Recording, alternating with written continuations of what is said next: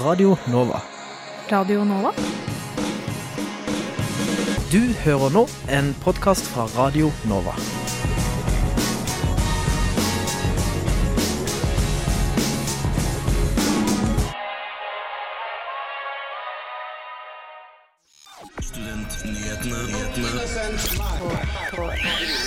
Vi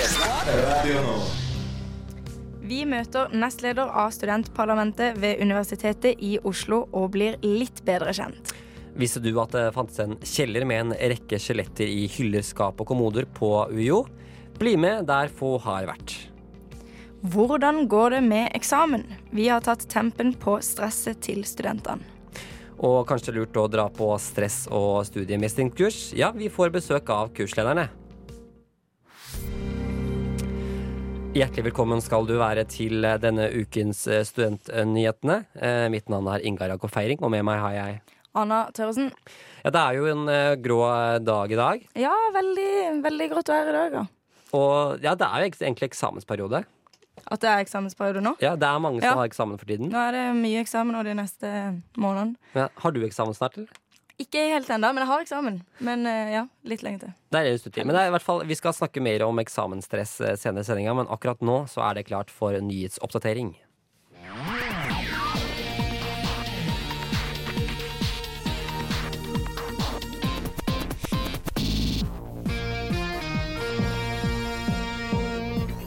Universitetet i Oslo er rangert som nest best i Norden innen samfunnsvitenskap og utdanningsvitenskap i fagrangering fra Times Higher Education. Det melder Krono. Over Oslo ligger universitetet i København.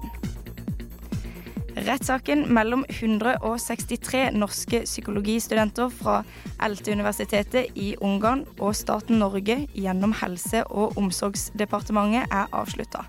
ELTE-studentene tapte mot staten og får ikke erstatning. Dette melder Krono. Årsaken til at studentene valgte å saksøke staten, var på bakgrunn av en praksisendring Helsedirektoratet gjorde i 2016. ESA jobber videre med saken. Denne høsten begynte 130 flere studenter på sykepleierutdanninga sammenligna med i fjor. Nytt i år er karakterkrav i norsk og matte. Det var frykta at karakterkravene ville føre til færre sykepleierstudenter, noe som ikke ble utfallet. Derimot var det en nedgang på over 18% i antall søkere. Det melder Krono. Dette var ny, uh, ukas nyhetsoppdatering med Anna Tørresen.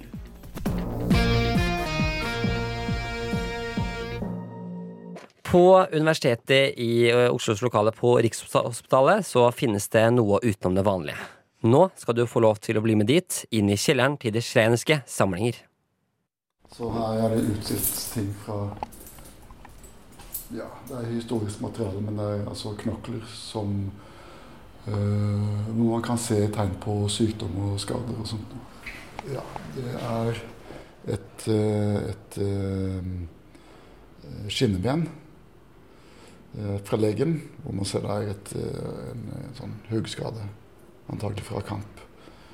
Eh, Per kan etterpå fortelle oss mye om at det ser ut til at det før i tiden, altså i middelalderen, var mye mer vold enn det vi er vant til i, i vår tid. Det kan man se på, på skjelettene.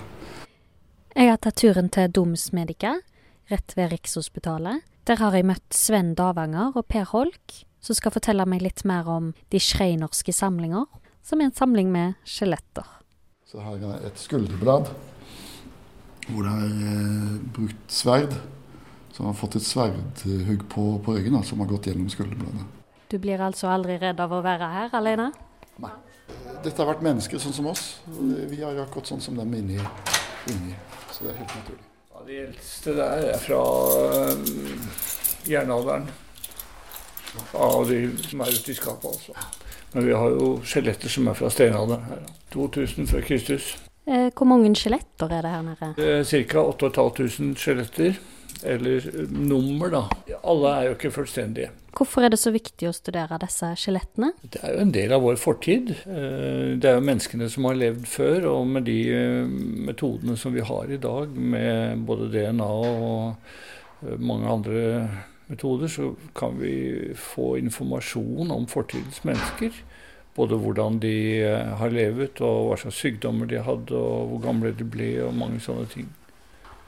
Så skjelettet selv er jo mer informativt enn den mest nøyaktig skrevne beretning om fortiden. Hvor mange er det som har tilgang til denne samlingen? Det er ikke så veldig mange. Det er uh, oss to. Og så er det vel uh, en forsker som uh, jobber her, som holder på med doktorarbeidet.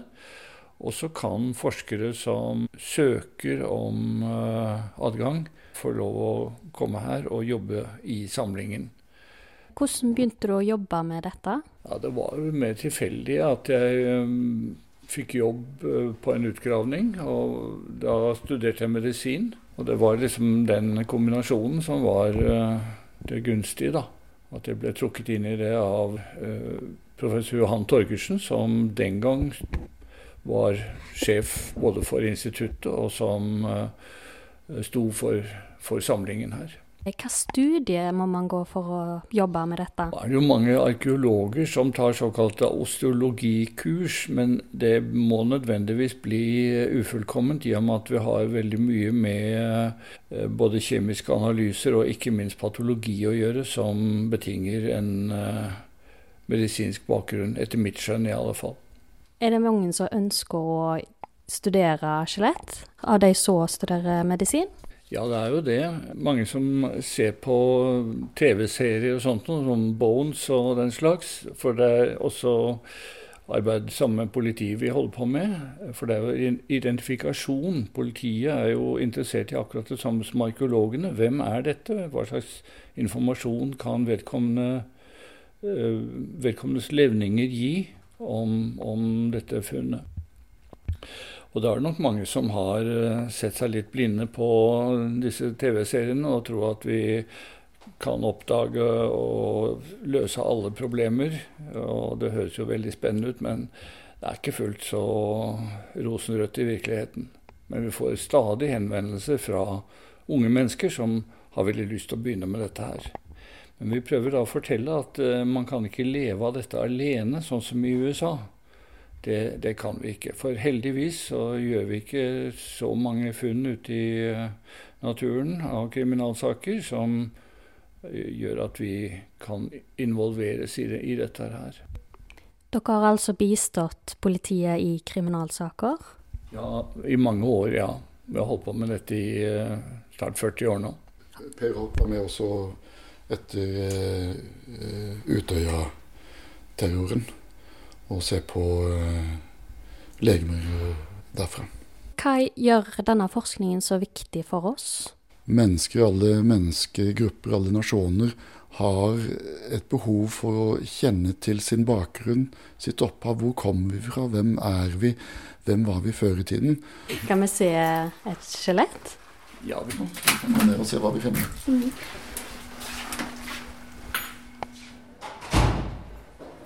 Vi går ned en metalltrapp, og det første jeg ser, er rader på rader med hodeskaller. Eller kranier, som de sier på fagspråket. Rommet, som er sterilt og hvitt, er så stille at jeg kan høre lyden av lysstoffrørene. Det føles veldig som noe en kan se på film. Kranier. Eh, på noen av dem ligger det da fremme lapper og, og, sånt. Andre må vi da se på et katalognummer for å finne ut hvor de kommer fra. En del av disse som ligger her, de kommer fra Rettsmedisinsk institutt. Det er altså skaller, eller skallefunn som ikke er identifisert, og ikke kommer noe særlig videre. Mens de aller øverste det er jo barneskaller hovedsakelig, og ser ut som det har vært brukt i undervisningen. Det jeg legger merke til, er hvor forskjellige alle er. Ja. Skulle trodd at uh, de som var mer like Det er lett å se forskjell på oss, men det gjelder også på, på grandene har vi valgt å ha dem bak eh, glass, da, sånn at eh, vi kan se det. For det er ofte, når vi leter etter noe spesielt, så er det ofte mye raskere å gå rundt og kikke og finne en skalle som har akkurat den skaden eller det trekket som vi er ute etter, enn å sitte og bla i eh, en datafil. Vi får av og til spørsmål da, fra politiet som har funnet en eller annen knokkel. Og spørsmål hva dette er for noe. Og da er det veldig ofte dyreben de finnes. Og da kan det være nokså vrient å uh, finne ut hva slags dyreart det er. Vi holdt på i går med en uh, knokkel som var uh, nokså defekt. Vi kan med en gang kjenne om det er dyr eller menneske. For en dyreknokkel er, føles annerledes når vi tar på den og det er mye tyngre enn eh, menneskeknokler. Er det studenter som hjelper dere med undersøkelser av og til? Vi skulle ønske det var det, men eh, de har nok med sitt eget, dessverre. Men eh, vi håper jo stadig at noen interesserte studenter vil gå dypere inn i materien her. Vi har noen som skriver oppgaver om disse tingene. Jeg kan legge til at vi er egentlig veldig interessert i å få opp eh, forskningen og få kontakt med både studenter og andre som er interessert i å gjøre forskning. Vi er interessert i medisinstudenter som vil ta en sånn forskerlinjeprosjekt her. Og vi har planer om å eh, søke penger til et doktorgradsstipend her. Det er altså reporter Rene Wilhelmsen som har tatt turen til professor Sven Davanger og professor emeritus Per Holk for et innblikk i deres arbeid.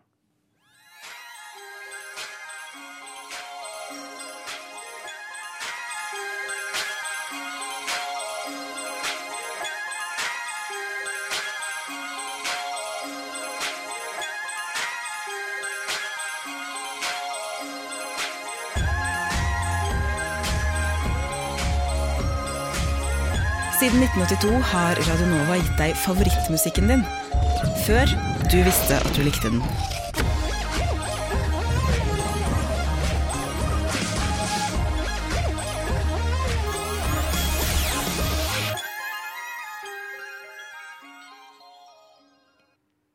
Det er en ny uke, og det vil si ny prat med en studentpolitiker. Denne uka har turen gått til Villa Eika og nestleder av studentparlamentet ved UiO, Runa Kristine Korneliussen Fiske. Da er jeg på vei til å møte Runa Kristine Korneliussen Fiske. Hun er nestleder i studentparlamentet ved Universitetet i Oslo og sitter i arbeidsutvalget. Hun ble engasjert i A-lista, eller også kalt Arbeiderbevegelsens studentliste, og ved forrige valg ble hun valgt inn. La oss bli litt bedre kjent med henne. Kan du først fortelle meg litt om deg selv? Ja, eh, Mitt navn er eh, Runa Kristine Fiske. Jeg eh, går på UiO. Jeg sitter som nestleder i studentparlamentet. Og ble i våres akkurat ferdig med en bachelor i utviklingsstudier. Hvordan begynte du med studentpolitikken? Jeg ble lurt. Eh, jeg eh, har jo vært aktiv i ungdomspolitikken eh, tidligere. Og så var det en venn av meg fra ungdomspolitikken som hadde rota seg inn i studentpolitikken, og som klarte å lure meg med òg, da. Jeg spurte om jeg kunne være vara på et møte, og så plutselig så var jeg med for fullt. Og nå er du ja, nestleder i arbeidsutvalget. Sånn gikk det til. Jeg tror de fleste havner i studentpolitikken fordi de kjenner noen eller har en venn som driver med det, og så møter man opp. Hva inspirerte deg til å bli engasjert i politikken? Sånn, generelt sett da, så mener jeg at det er veldig viktig å engasjere seg. Det å være en del av et demokrati betyr også at man må delta. Altså, demokratiske verdier er under angrep, har vært det i Norge, har vi sett flere tilfeller av, og er også det i hele verden. Og da tenker jeg at det er veldig viktig at man står opp for de verdiene ved å, ved å delta.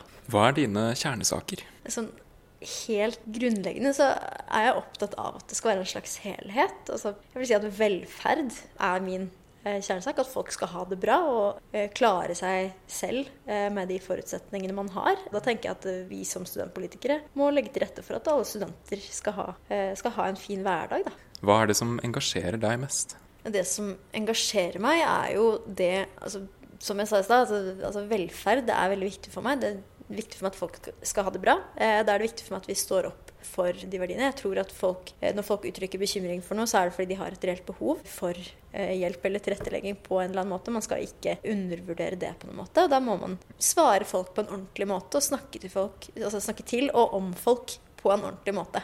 og når folk, altså hvis, det, hvis det skjer at noen ikke blir snakket om f.eks. på en ordentlig måte, så blir jeg veldig engasjert og eh, ønsker å på en måte hegne om at vi skal snakke til og om hverandre på en respektfull eh, måte. Anbefaler du andre å begynne med studentpolitikken? Ja, jeg tror egentlig at alle er veldig engasjert i sin egen studiehverdag. Alle har meninger om hvordan studiet eller studiehverdagen burde være, eller altså, hva man trenger. Og eh, det er mange som har behov eh, som de ikke får dekka i sin studiehverdag, og ønsker å endre det. Da burde man jo engasjere seg på en eller annen måte. altså Enten ved å stemme eh, når det er studentvalg, eller ved å stille til valg selv. Eller bli med i studentutvalg eller programutvalg eller lignende. fordi det, mm. altså, det, ingenting blir endra hvis man ikke klarer å kommunisere at det er et behov for en endring. Da. Da skal vi ha en liten runde med fem kjappe spørsmål. Hva er det beste fyllet på pizza? Jeg er veldig glad i pepperoni. Hund eller katt? Katt, definitivt. Favorittserie eller film for øyeblikket? Jeg har eh, en veldig stor forkjærlighet for Friends. Og har sett eh, hele serien eh, ni ganger. Oi, imponerende. Favorittsang for øyeblikket? Siste så har jeg hørt veldig mye på Lady Gaga sin versjon av Your Song. Og til slutt, favorittidrettslag? Jeg heier faktisk på Molde i fotball. Oi. Ja, Det har jeg nok etter faren min. Men ja, jeg blir veldig glad når de, de vinner jo serien nå. Det er veldig gøy. Takk for praten. Bare hyggelig. Der hørte vi vår reporter Stig Gøran Skogvang snakke med nestleder for studentparlamentet ved UiO, Runa Kristine Korneliussen Fiske. Eksamensperioden er i gang, og vi skal snak straks snakke om eksamensstress. Bedre studenter. Studenter. Eh, studenter. studenter. Ordet student. Studenter. Trygge studenter lærer mer. Studentsamskipnad. Er for studenter. Studentbolig. For studentpub. Studentsaker. Student. Nyhetene. Hver fredag fra 11 til 12 på Radio Nova. Vi er nå i midten av november, og det betyr eksamensperiode. I hvert fall for en del studenter. Vi har derfor tatt tempen på studentenes stressnivå. Og da er det bare å legge merke til hvor mye studentene sier ordet stress. Dørene lukkes. Stress, eh, koffeinbehov og hodepine. Hver gang jeg gjør noe, så bare tenker jeg liksom jeg burde heller sittet og lest på eksamen, men når jeg først sitter og leser, så vil jeg heller gjøre alt annet. Tror egentlig jeg har så veldig mye strategi. Det er mest bare at jeg leser ganske mye. Tar pauser, også leser, og tar noe Ja, egentlig ikke så spennende. Jeg har egentlig ikke noen spesielle strategier. Nei. Jeg prøver, prøver, å jobbe litt sånn jevnt og trutt med ting. Um, det funker ikke så bra, men uh, ja, prøver iallfall. I hvert fall kommer komme for det meste gjennom pensum, fokusere på det som læreren har pekt ut som det viktigste. Og så diskutere litt uh, oppgaver og begreper med andre med studenter. Jeg leser gjennom notater som allerede har blitt skrevet, og skrive inn nye notater på det som ikke har blitt lest gjennom. Bare pugge godt og ja, det er egentlig. Eh, kanskje samarbeide med andre um, i klassen. Jeg tar det meste på sparket, og har vel egentlig gjort det hele studieløpet. Ikke så stressa, men det er vel kanskje fordi det ikke har gått opp for meg at vi får den ganske snart. Jeg er ikke så stressa, nei, men det stresser meg på en måte litt, egentlig. Fordi jeg føler jeg burde være mer stressa. Men um, ja, nei, det går egentlig greit. Jeg tror eksamen uansett er veldig stress om du har vært veldig flink eller ikke gjennom året. Jeg føler jeg har seriøst søvnmangel i hvert fall. Jeg er ganske stressa, egentlig. Der hørte dere stressede studenter snakke om hvordan de opplever denne eksamensperioden, og hvordan deres studiestrategier er. Reportere i saken var Nora Torgersson og Helene Wilhelmsen. Vi hørte nettopp litt stressede elever, og for, hvis du er stresset, så kan du f.eks. dra på stress- og semesterkurset som SIU har. Og vi i studio har vi fått med oss to av de to psykologistudentene som er leder etter SIU sitt stress- og studiemestringskurs, nemlig Maria Jones og Henning Rognlien. Velkommen til dere. Tusen takk. Takk for det. Er dere, er dere selv i en sånn eksamensperiode nå, eller? Det begynner jo å komme. Jeg har i begynnelsen av desember, så det er liksom den fasen nå hvor, hvor man ikke har begynt å, å lese ordentlig ennå, men definitivt bør tenke på det, da. Mm. Mm. Ja, jeg har et litt heldig semester dette semesteret, så jeg har ikke noen skoleeksamener som jeg må pugge til, men um, har innleveringer og gruppeeksamener og muntlige presentasjoner. og sånn. Så kommer. Ja, Da lurer jeg jo litt på i forhold til dette stresskurset dere har. Er dere stressa? Uh, ja, sånn som uh, akkurat nå så er jeg jo litt mer aktivert og stressa enn uh, en vanlig, men det varierer jo. så periodevis så er jeg mer stressa enn andre perioder. Mm. Ja, Noe av det vi kommer inn på på kurset, er jo at det gjelder egentlig alle studenter. Da, at stress er noe som skjer i hverdagen, og også med oss. da. Ja, for dette kurset da, som dere holder for SIO, så hva, hva er det man kan lære? Hva er det man kan få ut av disse stress- og, og, og mestrings- og studiemestringskurset? Nei, først og fremst så er det jo eh, Jeg tror noe av det vi får best tilbakemelding på, er at det er en veldig sånn normalisering i det. At man kommer der, og så treffer man andre studenter som også er stressa, og ser at de er, de er som meg, og de er helt, eh, helt Mm. vanlige, da. Mm. Og også oss kursholderne, da. Mm. Det er noe med at stress er så Det kan være så veldig overveldende og føles så kaotisk. Så man får, man får vite Man får lære litt om hva stress egentlig er, og hvordan man kan jobbe med stress fra ulike vinkler. Uh, og en del ting man kan gjøre i hverdagen, da, sånn med tidshåndtering, uh, studieteknikk, som kan gjøre at man uh, ender opp med å ikke gjøre alt det som gjør en enda mer stressa. Da. Jeg var sånn, litt, sånn, litt sånn konkret og praktisk. Hvordan, hvordan fungerer kurset? Liksom, møter man i et lokale, og så er det sånn foredrag? Eller hvor, altså, hvordan fungerer liksom selve kurset? Det er jo lagt opp til at vi, eh, altså vi har jo forberedt en del eh, pensum, altså psykologisk kunnskap som vi presenterer, liksom. Men um, noe av poenget er jo også på en måte å aktivisere deltakeren og litt sånn dele erfaringer uten at det blir gruppeterapi av det, på en måte. Men uh, Mm. ja, mest mulig interaktivt, da. Ja, så det er en kombinasjon av at vi står og snakker, og at eh, de, at de har noen refleksjonsøvelser og summeøvelser hvor man snakker sammen to og to, og litt i plenum, da. Det som er viktig, er at eh, kurset blir relevant for de som kommer på kurset, Mm. eh, slik at de får jobb, de får tatt inn eh, det vi eh, står og forteller, og så får gjort en sånn sortering på hva som er nyttig for dem, og hva de kan ta med seg videre. Mm. Hvorfor uh, mener dere at dette tilbudet er viktig?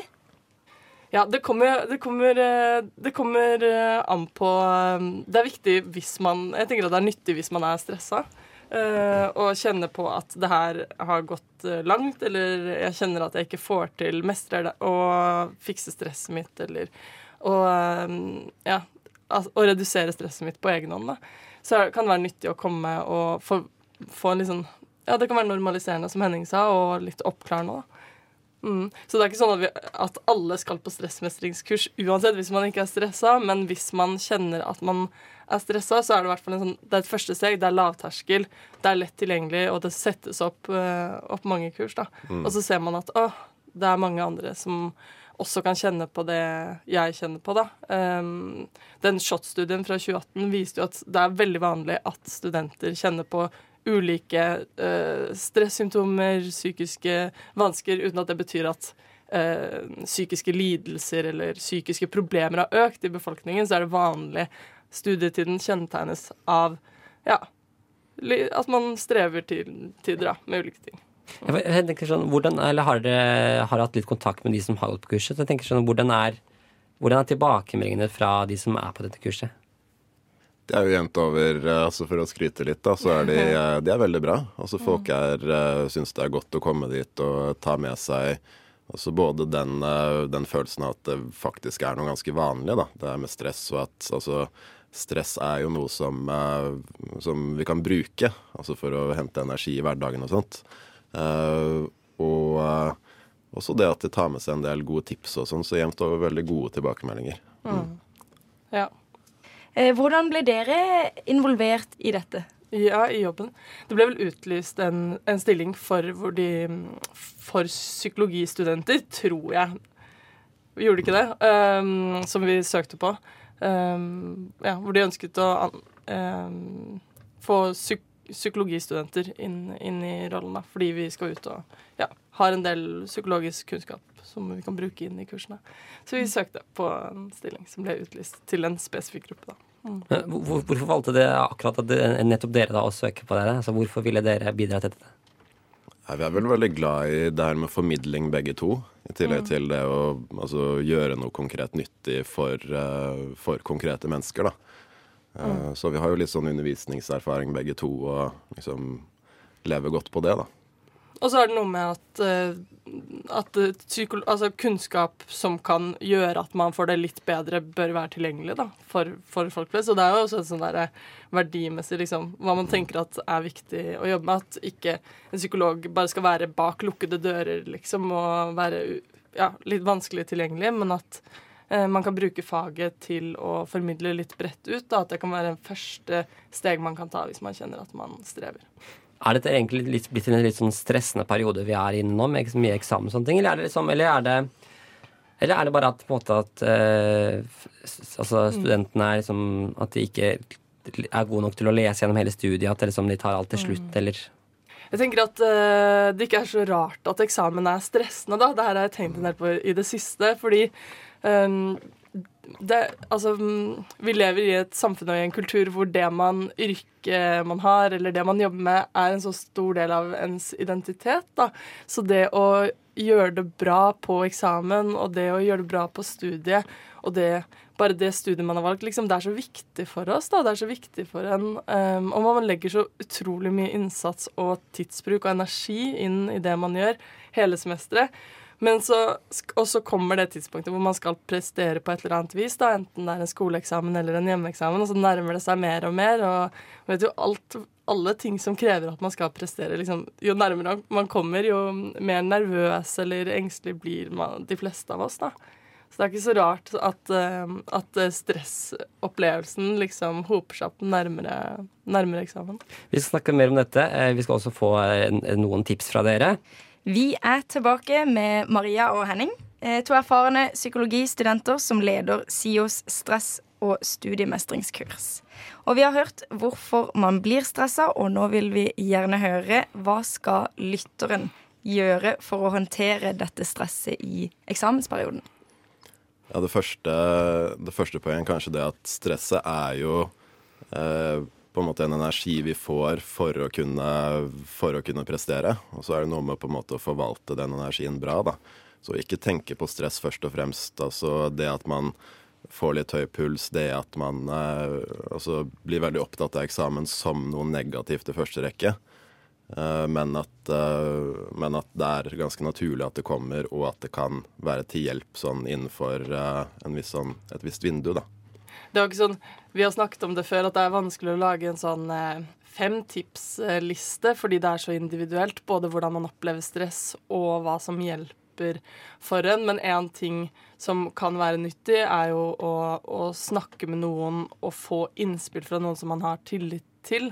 Men det som er viktig å si tenker jeg, i den, i den forbindelse, er at eh, det er lett at det blir en sånn eh, type kostressing da, i eksamensperioden. At man liksom sitter og møter folk i lunsjen, at man bare sitter og stresser og nesten hauser hverandre opp. Og det er ikke det vi mener når vi snakker, sier at eh, man skal snakke med noen, men at man kan få, liksom, få tømt seg litt, og så få innspill fra en person som kan hjelpe en kanskje å tenke litt annerledes eller forholde seg til det på en litt annen måte. Um, og så er det veldig mye man kan gjøre for å, for å redusere stresset. Um, for eksempel på kursene så går vi gjennom at ting man kan gjøre? Hvordan man kan møte tanker uh, på en annen måte. At man kan uh, fokusere på hva er, det, hva er det jeg er takknemlig for i dag, f.eks. Liste ned sånne ting som gjør at man bare får utvidet perspektivet sitt litt. Um, sett på hva er det jeg faktisk har fått gjort for det som er med stress, er at det snevrer inn fokuset vårt så veldig, og vi blir så fokusert på det som er negativt. da. Så alt det som egentlig kan hjelpe en å komme inn i et litt annet modus, um, og um, ja, få fokus Få, få utvidet perspektivet sitt litt, da. Det, det, er til hjelp. Og så er det ikke noe sånn quick fix, man må, liksom, man må kjenne etter uh, hva som funker for en selv, da. Om det er å liksom gå en tur eller Mm. Um, og ja, mer sånn hva man gjør, liksom. Gå en tur, møte noen venner. Bare uh, at det at ikke stresset fortsetter å utvikle seg, men at man får inn mer positivt, da, egentlig. Og så er det viktig også at man ikke blir så redd for, redd for stress. At man tenker at 'å nei, nå er jeg stressa igjen'. For det er også med på å forsterke det. Men at man liksom Ja, nå er jeg stressa. Det er kanskje ikke så rart, da er liksom man stressa at hjernen blir liksom litt sånn selv At det går liksom mer og mer fordi man er, man er litt stressa, og så blir man stressa fordi man er stressa, og så blir, bare, blir, man bare mer og mer stressa. Ja, ja, absolutt. Både sånn tankemessig at det blir sånn onde spiraler, men også atferdsmessig med prokrastineringsatferd. At man liksom at man ikke orker å forholde seg til det man skal gjøre, som man ser på en episode net på Netflix eller på en ny serie, liksom. Og så blir det blir, Og så er det godt der og da. Det er belønnende der og da, på kort sikt. Men så blir man mer stressa av det etterpå. Så det er veldig lett å havne i sånne onde spiraler. Og så må man kjenne etter selv da, hvordan man skal bryte de onde spiralene. Um, men det første steg er Vi har to stressmestringskurs igjen for semesteret, så uh, man kan melde seg på et stressmestringskurs da, i regi av SIO. mm. Kult. Eh, så det handler egentlig om å eh, roe ned, kanskje gå en tur. Og hvis man er veldig stressa og det ikke hjelper, så kan man gå på SIO sitt eh, stress- og mestrings, eh. Vi sier takk til dere, Maria Jones og Henning Rognlien. Tusen takk for at dere kunne komme og snakke om kurset. Vi skal jo også ikke snakke så veldig høyt, Anna, men vi er jo ferdig, vi. For nå har vi timen vår er over. Vi. Over ut, ja. Men uh, hva kan egentlig lytterne gjøre for å få mer innhold fra oss, da? Du, jeg tenker det er en uh, god idé å følge oss på uh, nyhet, Studentnyhetene på Instagram og Facebook. Veldig mye spennende som skjer der. I tillegg så kan du høre alle våre tidligere og denne sendingen i podkastform på der du spiller, der du hører på podkast. Ja, og det er vel egentlig bare å si takk for oss, da. Takk for oss, ja. I studio så har vært Ingar Jakob Feiring og Anna Tørresen. Og tekniker det har vært Magnus Tune. Du har hørt en podkast fra Radio Nova. Likte du det du hørte? Du finner flere podkaster i iTunes og på våre hjemmesider radionova.no.